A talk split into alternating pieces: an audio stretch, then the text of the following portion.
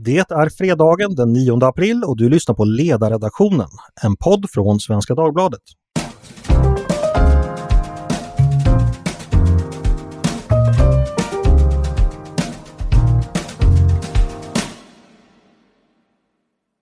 Varmt välkomna ska ni vara. Jag heter Andreas Eriksson och med mig idag har jag väl valda delar av Svenska Dagbladets ledarredaktion som jag lyckats skaka loss från sina plikter för att komma hit och prata lite om veckans händelser. Eh, vi har med oss vår chef Tove Livendal som politisk chefredaktör. Välkommen Tove! Tack så mycket!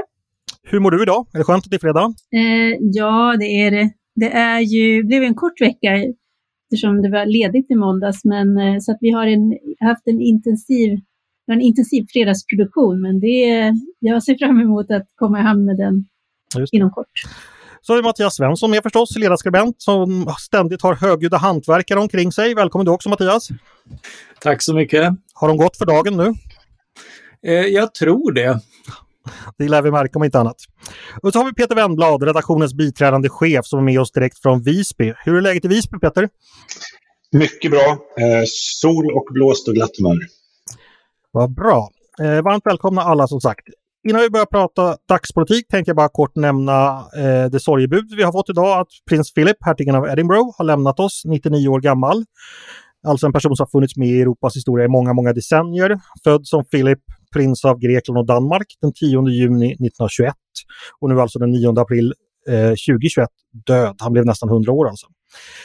Bara kort, och man kan nämna någonting om det. Eh, Tove, jag vet att du är en eh, stark anhängare av monarkin. Vad betyder och vad har, vad har Philip och hans eh, maka Elisabeth betytt för Storbritannien och Europa under de, den långa tid de har regerat?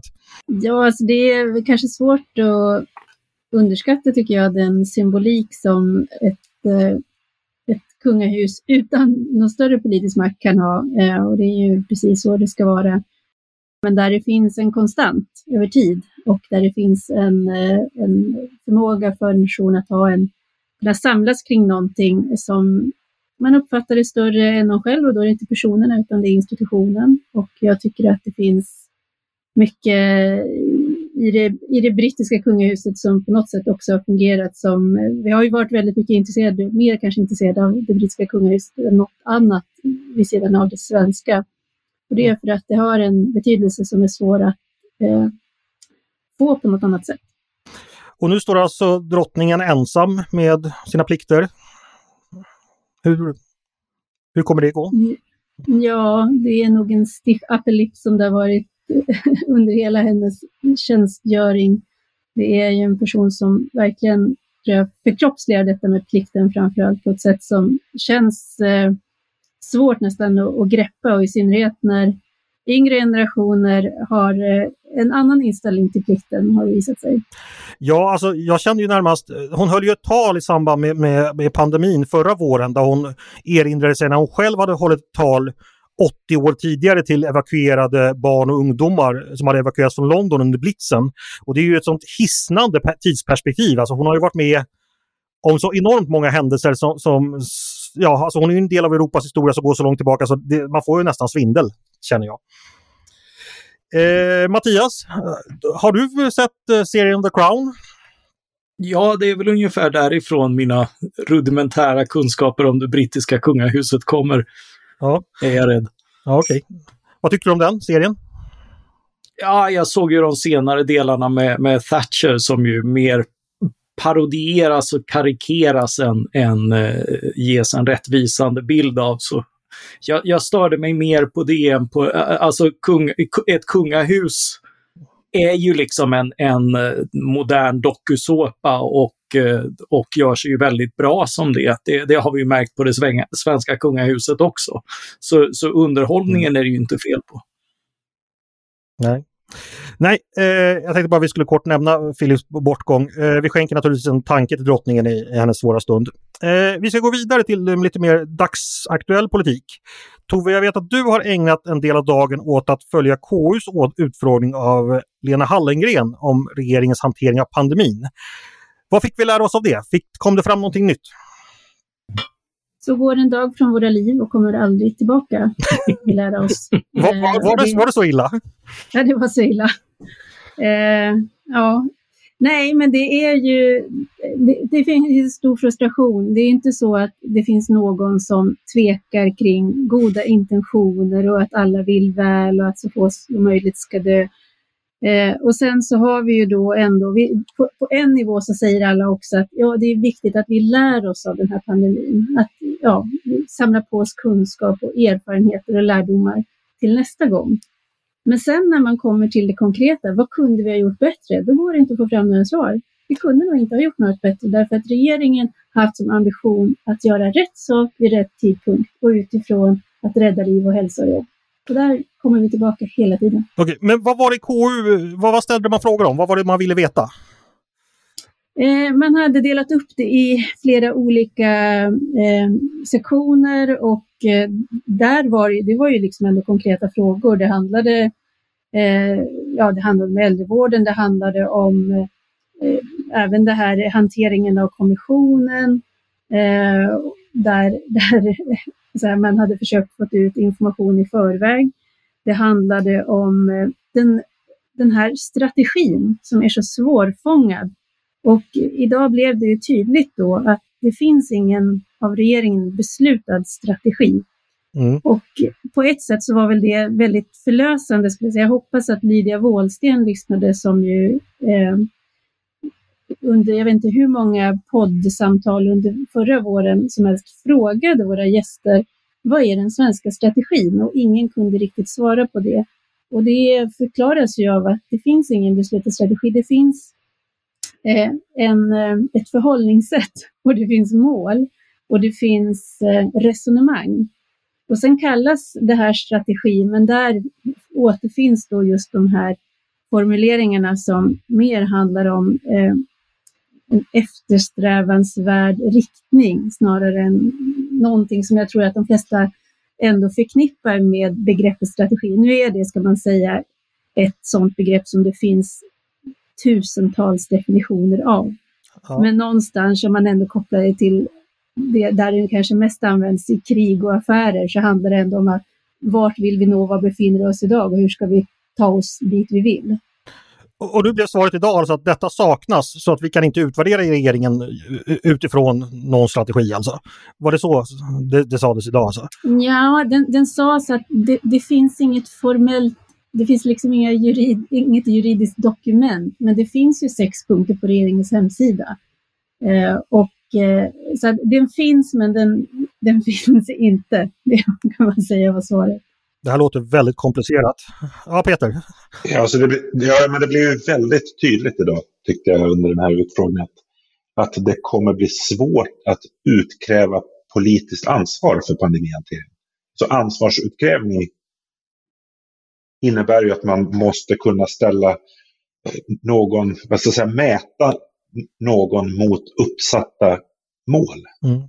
Men det finns, det finns ingen, det, ingen beslutad strategi. Det finns inga fastslagna mål. Alltså det, det, här målet om att pressa ner smittspridningen, pressa ner kurvan, inte ens den finns ju vad säger, formulerad någonstans eh, på ett tydligt sätt som gör den gör den mätbar. Då uppstår naturligtvis frågan, är det här avsiktligt tror ni? Att det ska vara så här? Att göra det svårare att mäta och utvärdera? Ja, det är jag helt övertygad om, men det är ju inte egentligen artfrämmande för hur vi pratar om politik och politiken har kommit att utvecklas under lång tid, där det just är där, där, där personer som har makt pressas till exempel i en uh, nyhetssändning, så blir svaret den goda intentionen. Det blir liksom aldrig att man verkligen håller sig fast och diskuterar konsekvenserna. Vad, det här resonemanget som Niklas Berg Lundblad eh, försökte instifta tidigt i pandemin, att okej, okay, om vi ska ge oss in här och vara kloka allihopa så skulle vi inte redan på förhand åtminstone kunna försöka eh, hitta någon form av på förhand idé om vad tycker vi vore framgång, vad tycker vi vore misslyckande. Utan alla sätt att handskas med politiken handlar så mycket om att eh, det här Tegnellska eh, ansatsen att ja, det var rätt då. Utifrån det vi visste då, då fattade vi rätt beslut. Och det är klart att då, då kommer man alltid ha gjort så gott som man kunde. Mm. Och vi kommer då få nöja oss med att man gjorde så gott man kunde. Men du menar alltså att pandemihanteringen är, är alltså utslag av en mer generell utveckling av politiken där mål, eh, utvärdering, ansvar får träda tillbaka. Eh, förstår jag det rätt då? Ja, ja. absolut. Jag menar, precis när vi, en av de man, liksom väldigt konkreta frågor som vi diskuterade mycket innan pandemin bröt ut var till exempel de här gymnasielagarna. Mm. De är ju väldigt mycket resultatet av goda intentioner, eh, ovilja att fatta svåra beslut, svårighet att väga av målkonflikter och där, där så att säga de som har fattat beslut om den här lagen har hänvisat till att det ska bli bra sen. Det här är vår intention. Vi vill ha en bra politik. Vi vill ha ordning och reda i asylpolitiken och men inte behövt svara på frågan om vad leder det här exakt till. Vi, vi lever ju kvar med den här föreställningen om att politik är att vilja och det att det är liksom graden av vilja man ska mätas på, inte vad man faktiskt åstadkommer, vad som mm. Mm. ska bli resultatet. Okej, okay, men, men, om det är så, eh, accepteras det här av de ansvarsutkrävande och granskande funktionerna i form av media, opposition och väljare? Vad tror ni om det? Det blir, det blir, det blir ju väldigt svårt med ansvarsutkrävande just för att det inte finns någonting att mäta mot. Alltså jag tycker den, den förvirringen Eh, märks i både liksom det politiska och det journalistiska ansvarsutkrävandet. Att det finns liksom ingenting, ja men ni, ni skrev ju så här i, i regeringens beslut eller så det blir väl, allting blir väldigt flyktigt. Okay. Mattias, får jag kolla med dig bara. Delar du Peter och Toves analys av, av hur politiken generellt har, har valt att formuleras och agera under pandemin? Eh, jag vet inte, det, det blir ju... Eh, det, det, är ju svårt. De misstag som har skett är väl framför allt eh, de, dels att spridningen i en tidig fas kunde komma igång genom att man var senfärdig med liksom karantän och annat och rekommendationer kring eh, människor som återvänder från Italien och liknande, misstänker jag.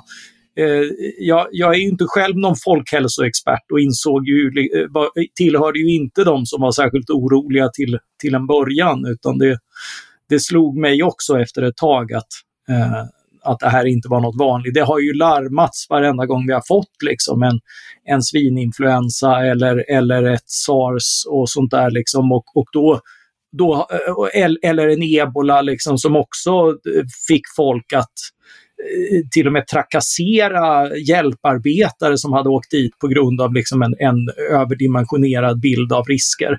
Eh, så jag var definitivt i det här lägret att eh, nej men det blir nog inte så farligt den här gången heller. Eh, och det, det var ju definitivt en, en felbedömning och jag är glad att jag inte satt i någon beslutsfattande eh, position. Eh, men, men, men det, där, där fanns ju det ena, att det, det kom en spridning som inte i tid eh, eh åtgärdades. Och det andra är ju äldreomsorgen där, där man då liksom försköt regler och annat för att inte ha skydd i det längsta. Uh, och, och det, är väl de, det är väl de två stora felgrepp som jag ser. Annars har vi ju ändå eh, klarat de målsättningar som att inte få en överbelastning på sjukvården. Det har ju förvisso varit i, i äldreomsorgen. Fast, fast det, var, det var ju inte målet enligt Lena Hallengren. Nej, det, det, är möjligt, men, men jag uppfattade, alltså, vi har inte fått vad man fick i exempelvis Italien där, där liksom sjukhus varit överbelastade. Eh, utan, utan man har slagit i kapacitetstak, det har undanskjutits annan vård, det har liksom frestat hårt. Men som jag förstår det har man inte haft den här uppgivna situationen. Eh, möjligen, möjligen temporärt. Och det, var ju ett, det är ju ett konkret mål som man ändå kan, eh, kan på något sätt hålla, hålla ett ansvar för. De här eh, uppblåsbara militärsjukhusen behövdes väl aldrig till exempel. Mattias, alltså, alltså, din poäng är alltså att några mål har alltså nåtts, eh, som, som du menar? Förstod jag det rätt? Ja, no, några har nåtts, några... Alltså det, det som har eh, inte nåtts eh, är ju dels att man har fått en, högre en, en betydligt högre smittspridning än i våra eh, närmaste grannländer och vi undrar fortfarande varför det var så. Var det på grund av att de stängde ner eller inte. För, för det verkar ju inte ha haft någon generell effekt om man tittar liksom amerikanska delstater eller över Europa och sådär så finns liksom inte det sambandet. Eh, utan, utan jag kan tvärtom vara väldigt glad att man inte liksom fick panik och stängde ner precis allting. Eh, däremot, däremot så hade man ju önskat dels liksom att det, eh, det här med utrustning som skulle ha funnits till exempel, som har varit regionernas ansvar och så. Eh, och, och blev liksom på en, på en hoppsam basis. Där fanns ju ingenting och så började man, man liksom rucka på kraven för att få ihop med med våra ambitiösa arbetsregler och sådär. Och, och den stora bristen där är ju framförallt att man inte att man inte talade sanning. Ja, eh, hade man åtminstone sagt att ja, vi kan inte ha de här, vi har inte de skydden rent materiellt, så därför kan vi inte lagstifta om att de ska vara. För då måste vi stänga ner alltihop. Eh, men, men istället för att redogöra för den bristen så, så försökte man fuska undan den. Och det, det, är den vagheten som, som jag tror vi far efter hela tiden. Att man inte riktigt har vågat redogöra för de motsättningar som finns och som behövt hanteras. Nej, men också är det också att den här liksom bristen på formella beslut, bristen på dokumentation gör ju att man kan liksom fylla skapa historien i efterhand, alltså fabulera, närmast fabulera vad som eh, hände förra våren i pandemins inledning. Alltså jag, jag roade med mig idag också om att här, gå tillbaka och titta på Folkhälsomyndighetens presskonferens för precis ett år sedan. Eh, och där Anders Tegnell stod och pratade om att det här R-talet, det var ett så dåligt mått på att eh, mäta smittspridningssituationen. Eh, och så går man tillbaka till idag, dag, presskonferensen idag. Vad är Tegnells huvudnummer? Jo, det är att presentera R-talen för hela Sverige. Mm. Alltså de, de här lappkasten har gjorts om och om igen i fråga efter fråga. Kan det vara någon sorts, eh, för jag känner mig väldigt förvirrad, är det någon förvirringsstrategi bakom det här? Att vi helt enkelt ska bli så, varken veta ut eller in, så ingen kan utkräva ansvar åt något håll? För i så fall har jag gått på den kan jag säga. Den funkar ja, på mig. Jag, jag, jag, jag, tycker det är liksom en, en spegling lite grann av Anders Tegnells eh, personlighet. Han är väl så, han står, tänker ganska mycket högt och det är å ena och andra sidan ganska glidande formuleringar som man kan läsa in nästan vad man vill i.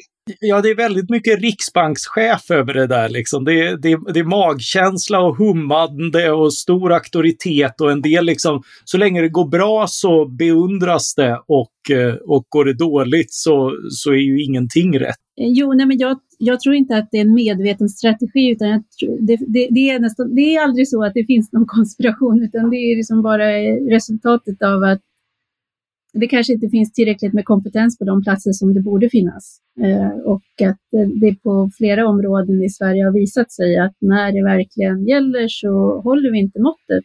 Vare sig liksom det sätt som vi har organiserat ledningsstrukturer och krisberedskap på, eh, men kanske också på det sättet som vi har eh, ja, bemannat på olika ställen. Och det är, ju, det är, bara, det är inte tillräckligt bra helt enkelt.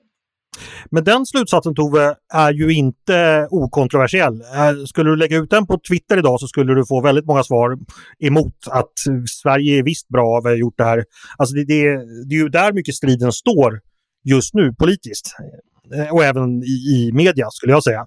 Fast jag tycker att det, det är ju samma sådär. Det är som att eh, man måste bestämma sig för, ja, har Sverige gjort bra eller dåligt? Och har, det är som, sanningen är ju både och, att vissa grejer har fungerat eh, över förväntan. Så den här snabba omställningen i sjukvården har varit väldigt imponerande. Men andra grejer har vi misslyckats kapitalt med. Och det måste ju vara så att vi kan diskutera det. Att, eh, men då, då blir det, jag vet att när vi har, har pratat om det här tidigare så har även Anders Tegnell då, eh, slagit på sig kritik med att han har han har liksom inte gjort några fel med avsikt. Nej, det får vi väl verkligen ja, utgå ifrån. Det hade ju varit extremt illa, men, men nej, det är det ju ingen som påstår. Nej, och man kan ju inte bedöma naturligtvis uh, ut efter liksom att vi kan, ju inte, vi kan inte ha det som nivå att ingen har jävlats med oss i alla fall. Därmed ska vi vara nöjda, så det blir ju absurt. Exakt. Uh, jag tänkte vi kanske ska lämna pandemin bara för den här gången innan vi blir allt för förvirrade. För jag, några ämnen till tänkte jag vi skulle hinna med. Och då förstås mitt favoritämne, eh, Liberalerna. Den här följetongen som är inne på säsong 200 eller något sånt där. Eh, nu har man alltså valt väg. Det gjorde man på, på partirådet för två veckor sedan snart. Man är fortfarande jättearga på varandra och folk lämnar till höger och vänster. Men det är väl så, tror jag i alla fall, att det här kommer avgöras ganska mycket av eh, hur det går i opinionsmätningarna. Är det så att eh, Saboni kan få upp partiet på säker riksdagsmark så kommer de få fortsätta med den nya kursen. Om det däremot fortsätter lagga efter så kommer det vara fortsatta Eh, problem med interna protester. Så min fråga är helt enkelt till er, vad tror ni om Liberalernas möjlighet att komma upp i, i opinionen? Va, va, kommer det att locka några nya väljare nu som inte, ja, eller varför ska man rösta på Liberalerna istället för Moderaterna exempelvis eller Kristdemokraterna? Vad tror du Peter? Nej, ingen aning. Nej. jag, jag, jag, vet inte varför man ska rösta på Liberalerna. Men vad tror du? Kommer det dyka upp fler väljare? N nej, alltså Liberalerna och tidigare Folkpartiet har ju alltid lidit av att vara ett andra och tredjehandsval. Och nu om någon gång så är det helt nödvändigt för dem att bli ett, ett förstahandsval för att de ska kunna resa sig. Och jag tror att den kraften finns inte. Den finns inte? Eh, nej. nej, alltså de har, de har gjort sig till ett... Alltså de, har, de är liksom, ligger nog närmare att vara ett tredjehandsval för, för många än att vara ett förstahandsval. Tove, jag tänkte, du har ju bakgrund inom ett politiskt parti, du har till och med suttit i partistyrelsen en gång i tiden. Tror du att Saboni är den partiledare som ett splittrat parti behöver just nu? Ja, det där var ju en svår fråga. Jag tror ju att de eh, valde rätt kandidat av de som förelåg när de valde. Därför att eh, det är en person som eh, verkar orädd och har en tydlig idé om vad hon skulle vilja göra. Och det tycker jag att det är, det är bra. Sen eh, så får man väl se vad, vad som blir. Jag menar, den senaste mätningen som kom idag, men det är ju liksom, man får ju eh, man kan inte dra för stora växlar, men i den då hade de ju gått upp någon procentenhet och eh, det är klart, det, jag tror ju att bara det här att de bestämmer sig och går någon väg så kommer det att vara positivt. Ett parti som inte själv vet vart de vill ta vägen. Det finns ju verkligen ingen anledning att rösta på ett sådant parti, men ett parti som har en idé eh, och som börjar gå längs den vägen, då får man väl se vad det blir och jag tror i alla fall att det var bra att de kom till det här beslutet. Sen tillhör jag de här som hoppas att det ska bli en borgerlig regering i Sverige. Och eh, med vetskap om hur det då hittills största partiet tenderar att fungera när det kommer nära makt så är det ju viktigt att det finns liksom balanspunkter i en sån regering. Och eh, eh den, den rollen tycker jag åtminstone tidigare spelades ganska bra av Centerpartiet som, som tyckte jag hade mycket frejdig reformagenda som var liksom mer liberala på många punkter än vad Moderaterna var. Och det är ju förhoppningen att Liberalerna skulle kunna mm. göra motsvarande fast kanske i andra frågor. Eh, men eh, jag vet faktiskt inte. De har hållit på så länge nu och celldelat sig och blivit mindre och mindre. Det är liksom tvärtom celldelning. De blir inte fler utan de blir liksom bara sammanfaller i små fraktioner och grälar med varandra. Ja, och frågan är om begreppet frejdig är någonting man främst förknippar med Liberalerna. det var fel ordval. Ja. Eh, Mattias, du vet, jag, jag känner ju dig som, som en inbiten gammal folkpartihatare. Har du eh, några tankar om vart Liberalerna kommer gå i väljaropinionen och eh, så. Det finns ju definitivt ett utrymme att fylla. Jag tänker ju liksom på att eh, folkpartister har ju i alliansen varit liksom de, de svåraste att förhandla med just på grund av liksom en väldigt teknokratisk och väldigt eh, enveten inställning. Och jag någonstans unnar Sverigedemokraterna att behöva förhandla med, med den typen av personer. Välkommen till verkligheten liksom. Eh, då, då får man verkligen en duvning i, i exakt vilka nivåer socialförsäkringsersättningar ska ligga på och liknande. Eh, så, så det, det tror jag, plus att liksom, det är ju ett parti som ändå för alla sina fel och brister, och de är många jag har listat om i min bok, så roligt ska vi inte ha det, som lite av Folkpartiets svarta bok kring alkoholområdet. Men det är ett parti som har kunnat skilja mellan demokrati och diktatur och det är ju inte en fråga som blir mindre viktig framöver. Eh, det, det, är ett parti med, med liksom en, en, eh, en, en tydlig kompass i, eh, i, i sådana frågor och eh, eh som tar liksom formalia, rättssäkerhet, eh, grå frågor som äldreomsorg eller nu elektrifiering och annat som, som andra kanske inte bryr sig lika mycket om. Eh, så möjligheterna finns ju fortfarande för, eh, för partiet att spela en roll som jag tror att ganska många är sympatiskt inställda till. Just den här eh, lagom mycket tror jag exempelvis är en, eh, en, en miljö och klimatlinje som de flesta kan känna djup sympati för, som inte hamnar i vare sig liksom förnekelse och inget behöver göras eller liksom det här, eh, nej allt till elcyklar och total omställning eller, eller, eller liksom fortsätt nedstängningen eh, grejer liksom, utan, utan lagom och teknikoptimistisk utveckling. Eh, så, så det finns en hel del frågor. Tiden börjar ju rinna ut, men, eh, men några som har lite lugn och tålamod.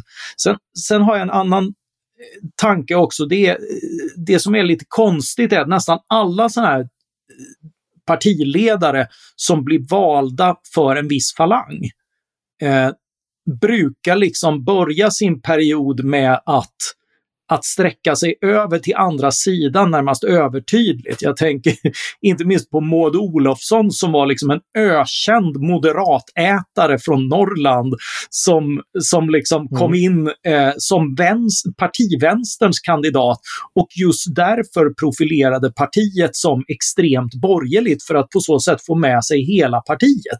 Och ganska snabbt blev rätt övertygad om att det eh, det blir ens politik.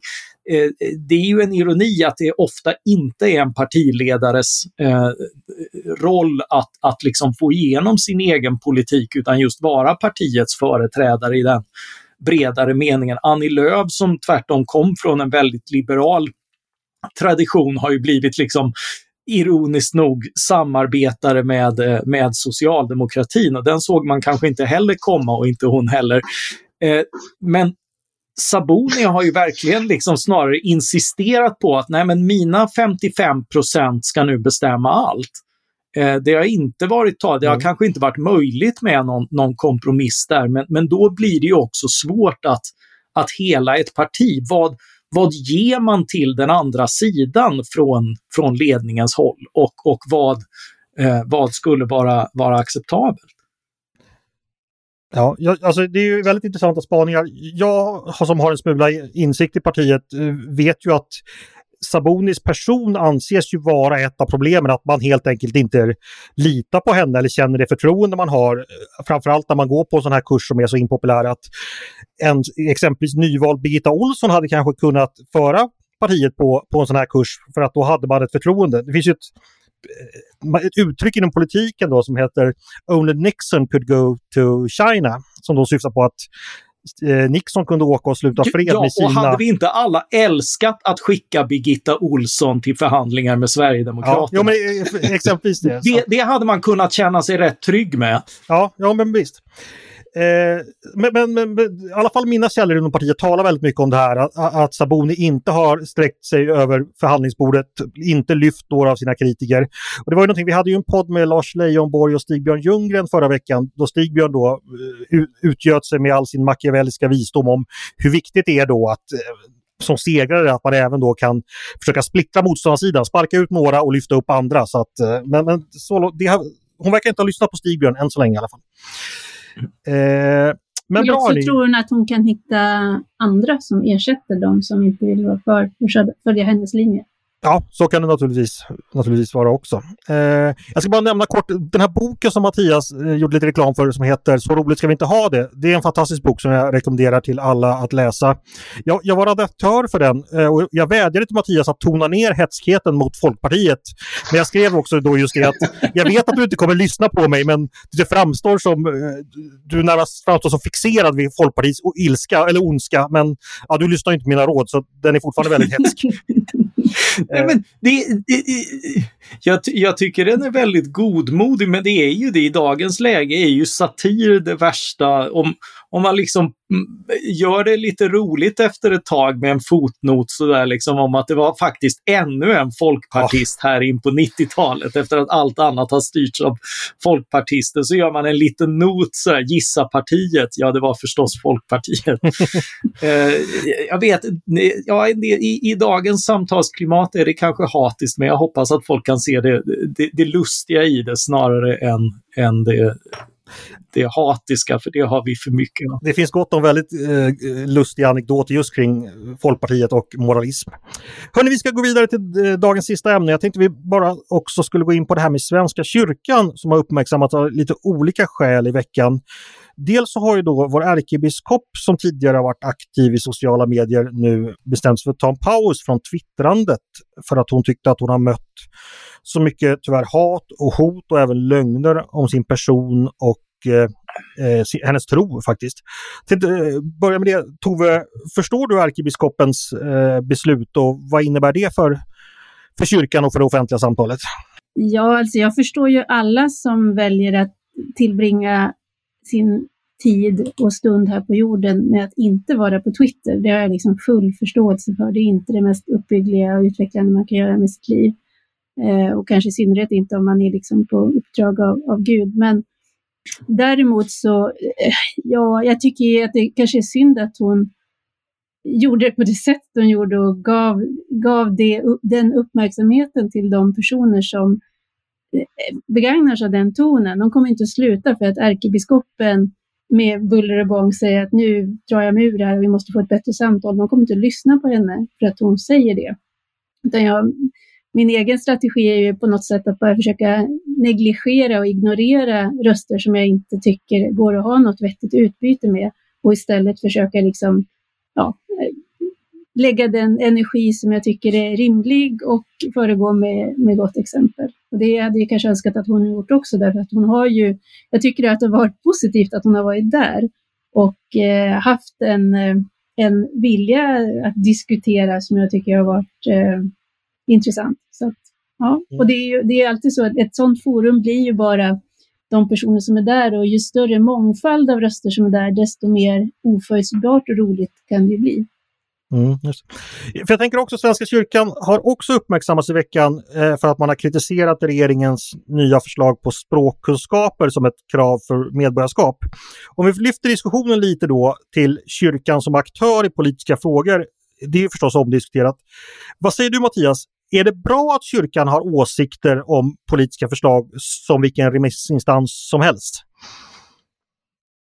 Eh, ja, det var ju också en jävla fråga att ställa till en ateist, men eh, eh, jag, jag, jag, tycker väl eh, det behöver väl inte vara, vara fel, men det är ju samtidigt att reducera sig lite grann. Jag menar, behöver vi ännu en chattrande remissinstans? Är inte det att det, jag, jag, jag, har svårt att inte se det som ännu en av den här eh, liksom, institutionernas krympande självförtroende där man inte vårdar det man faktiskt är utan försöker vara någonting annat. Det här har vi sett inom, inom akademier som försöker liksom bli, bli eh, marknadstillvända eller inom kyrkan som istället för att vårda det eviga har, har sänkt trösklarna och, och försöker locka med att vara liksom en, en klimatkampanjare och en kompis och, och, och, och tack och freda. Liksom sådär en del av detta har varit intelligent och med blick, eh, glimten i ögat, men mycket har varit liksom snarare desperat flängande efter, efter de medlemmar man, man tappat efter, efter separationen mellan kyrka och stat. Man har varit snabba att ta in, ta in konsulter som har försökt liksom sälja in en lösning på, på det ekonomiska problemet snarare än än liksom att, eh, att liksom våga, våga lyfta och lita till det man, det man är för många människor. Ett, ett stöd i tillvaron och, och, en funktion som handlar om, eh, alltså även för den som, som inte är troende, liksom, en, en institution som finns där kring de stora helgerna, kring de viktiga händelserna i livet, i samhället och sådär. Och, och, och att förhandla sig till en remissinstans kring detaljfrågor eh, blir lite grann att, att att sänka det, även om man, man förstås kan se det som ett, ett längre engagemang i, i, jag menar kyrkor har ju varit en, ett, kyrkorummet har ju varit en fristad för, för att gömma flyktingar och annat, ett, ett sånt civilt engagemang. Men det är ju också liksom ett, ett lite annat eh, än, än det här politiska. Tove, hur, hur tänker du? Mattias eh, och är ju inte medlem i kyrkan, det är inte jag heller. Eh, jag tror du är det va? Mm, absolut, jag är medlem. Hur känner du som medlem för att kyrkan tar ställning i olika politiska frågor? Eh, ja, jag är ju här, ambivalent agnostisk medlem, eh, men mycket av de skälen som Mattias räknar upp är ju ett skäl för mig att vara medlem. Jag tycker att det är en viktig institution i samhället. Och, eh, men jag vill haka i det som Mattias säger, för att jag tycker att kyrkan kan vara en extremt stark opinionsbildare rättmätigt så genom sin handling. Och det är liksom det som den har, att leva det man uppfattar och tolkar i Guds budskap, det är en jättestark sak. Att finnas där eh, för människor som eh, befinner sig i, i, i tillstånd i livet när de behöver stöd och hjälp eller att ja, vårda just evigheten och de, de, de här mer andliga frågeställningarna, det är ju liksom någonting som bara kyrkan kan göra med trovärdigheten. Men när den går över till att opinionsbilda genom att tycka saker, då reducerar den sig, precis som Mattias säger, som en som vilken twittrare som helst då, som sitter där och slänger ur sig ja, lite åsikter. Vilka som har, som har åsikter liksom. Det, ja, och det, för mig, Harry förklarat för oss. Och det märker jag ju, jag går ju då i kyrkan en gång per år, brukar det bli, eh, och det är när det är julotta. Och det är otroligt sällan den predikan som hålls eh, blir något att ta med sig, men det blir när man håller sig till tron och Gud och det som bara eh, kyrkans personer kan tala om med någon form av trovärdighet. Men när det blir en politisk föreläsning, då, då, då blir jag då, då, tappar, då tappar jag kontakten kan jag säga. För det, dels så kan jag se att resonemangen inte alltid är särskilt underbyggda, är mycket känslomässiga, saknar eh, ja, det är lätt att hitta logiska luckor och så vidare. Och då, då blir det verkligen ett medlemskap som inte känns som det är någon större mening Peter, du är ju gammal PR-konsult. Hur tycker du Svenska kyrkan sköter bilden av sig själv? ja, eh, jag vet inte riktigt om jag har något kommunikationsperspektiv på det. Så jag instämmer i stort med vad, vad Mattias och Tove har sagt. Men jag tycker ändå att det finns nog en politisk fråga som kyrkan borde ha engagerat sig mer i än, än, än liksom migrationslagstiftning. Det är gruvdriften.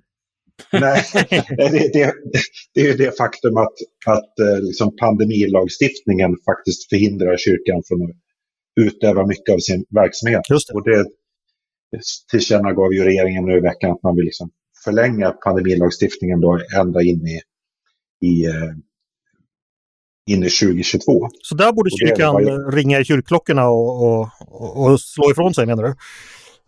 Ja, alltså jag tycker ska man engagera sig politiskt så ligger väl det närmare till hands att engagera sig i, i de frågor som faktiskt får handfasta konsekvenser för ens egen, de egna möjligheterna att bedriva sin verksamhet och för medlemmarna att träffas. Just det. Hörni, vi ska ta och eh, börja avsluta. Jag tänkte göra en sån här rolig rundfråga som jag har gjort hittills som handlar om vad, vad, om man har något tips inför helgen eller om man ska göra något roligt i helgen. Hittills har vi fått lite deprimerande svar som alla ska bara sitta hemma och ha tråkigt hela tiden. Men nu har det börjat bli lite vår och vaccinationerna kommer igång. Är det någon som ska ha något tips eller något om något roligt att göra i helgen?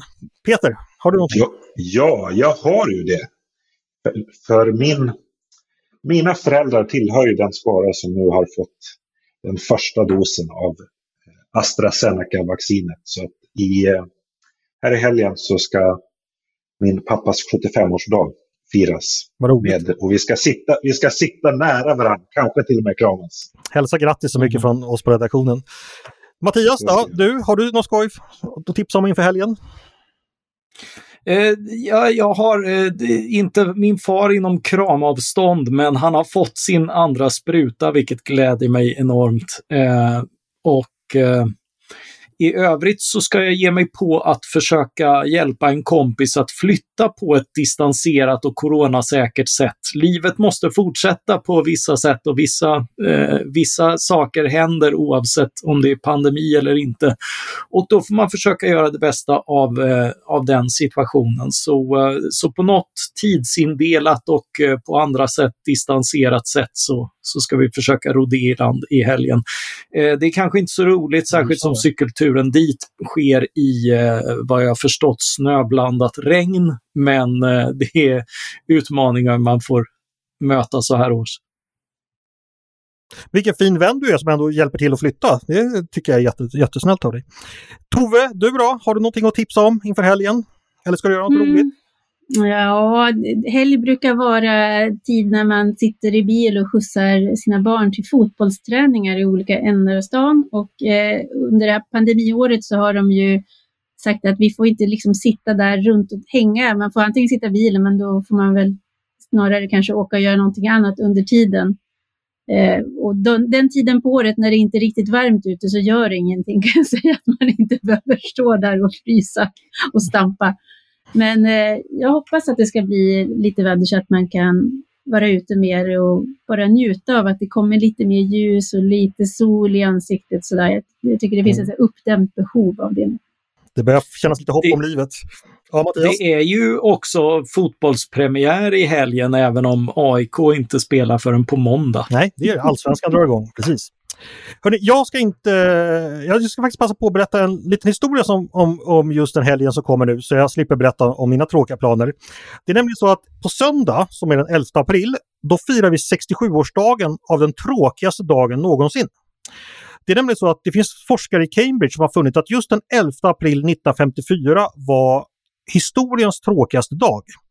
Det har man funnit genom att man har matat in 300 miljoner olika händelser, historiska händelser i en stor databas och så kollar man vilken dag som det helt enkelt hände minst antal saker. Och det var den 11 april eh, 1954. Så det, det kan man ja, Sverige hade då både motbok och eh, nöjesförbud. Precis, vilket gjorde det än jävligare för, jävligare för oss. Alltså. Men det kan ju vara liksom lite hoppgivare att tänka på att även tidigare epoker har varit väldigt händelselösa. Exempelvis då den där vårdagen 1954. Så det kan man tänka på och vara glad över att det kanske händer fler saker i våra liv trots pandemin. Så. Det, var, det var väl ändå lite, lite hoppingivande. Ja, det var upp, upplyftande. Känns bättre nu. Inget, ja, ja, men jag vet ju från min bok att det är få saker som är så upplyftande som andras tristess. Ja, nej men alltså generellt, det tidiga 50-talet var kanske inte så roligt. Det var liksom fortfarande mycket moralism som levde kvar och sådär och man hade kriget i gott minne och så. Det var ju först i början på 60-talet det började dra igång som det känns, känns blev roligare. Hörni, eh, med det skulle jag vilja tacka för idag. Jag ska bara passa på att också tipsa om vår grannpodd på Svenska Dagbladet, eh, nyhetspoddens Dagens Story, där du på en kvart varje dag får en fördjupning i ett aktuellt ämne. Stort tack eh, Tove, eh, Peter och Mattias för, för idag. Tack, tack. tack, tack, tack. Ni har lyssnat på Ledarredaktionen, en podd från Svenska Dagbladet. Eh, hör gärna av er till redaktionen med tankar och synpunkter på det vi har diskuterat eller om ni har tankar och idéer på saker vi ska ta upp i framtiden. Mejla då till ledarsidan svd.se. Dagens producent har varit Jesper Sandström. Själv heter jag Andreas Eriksson. Jag hoppas att vi hörs igen snart.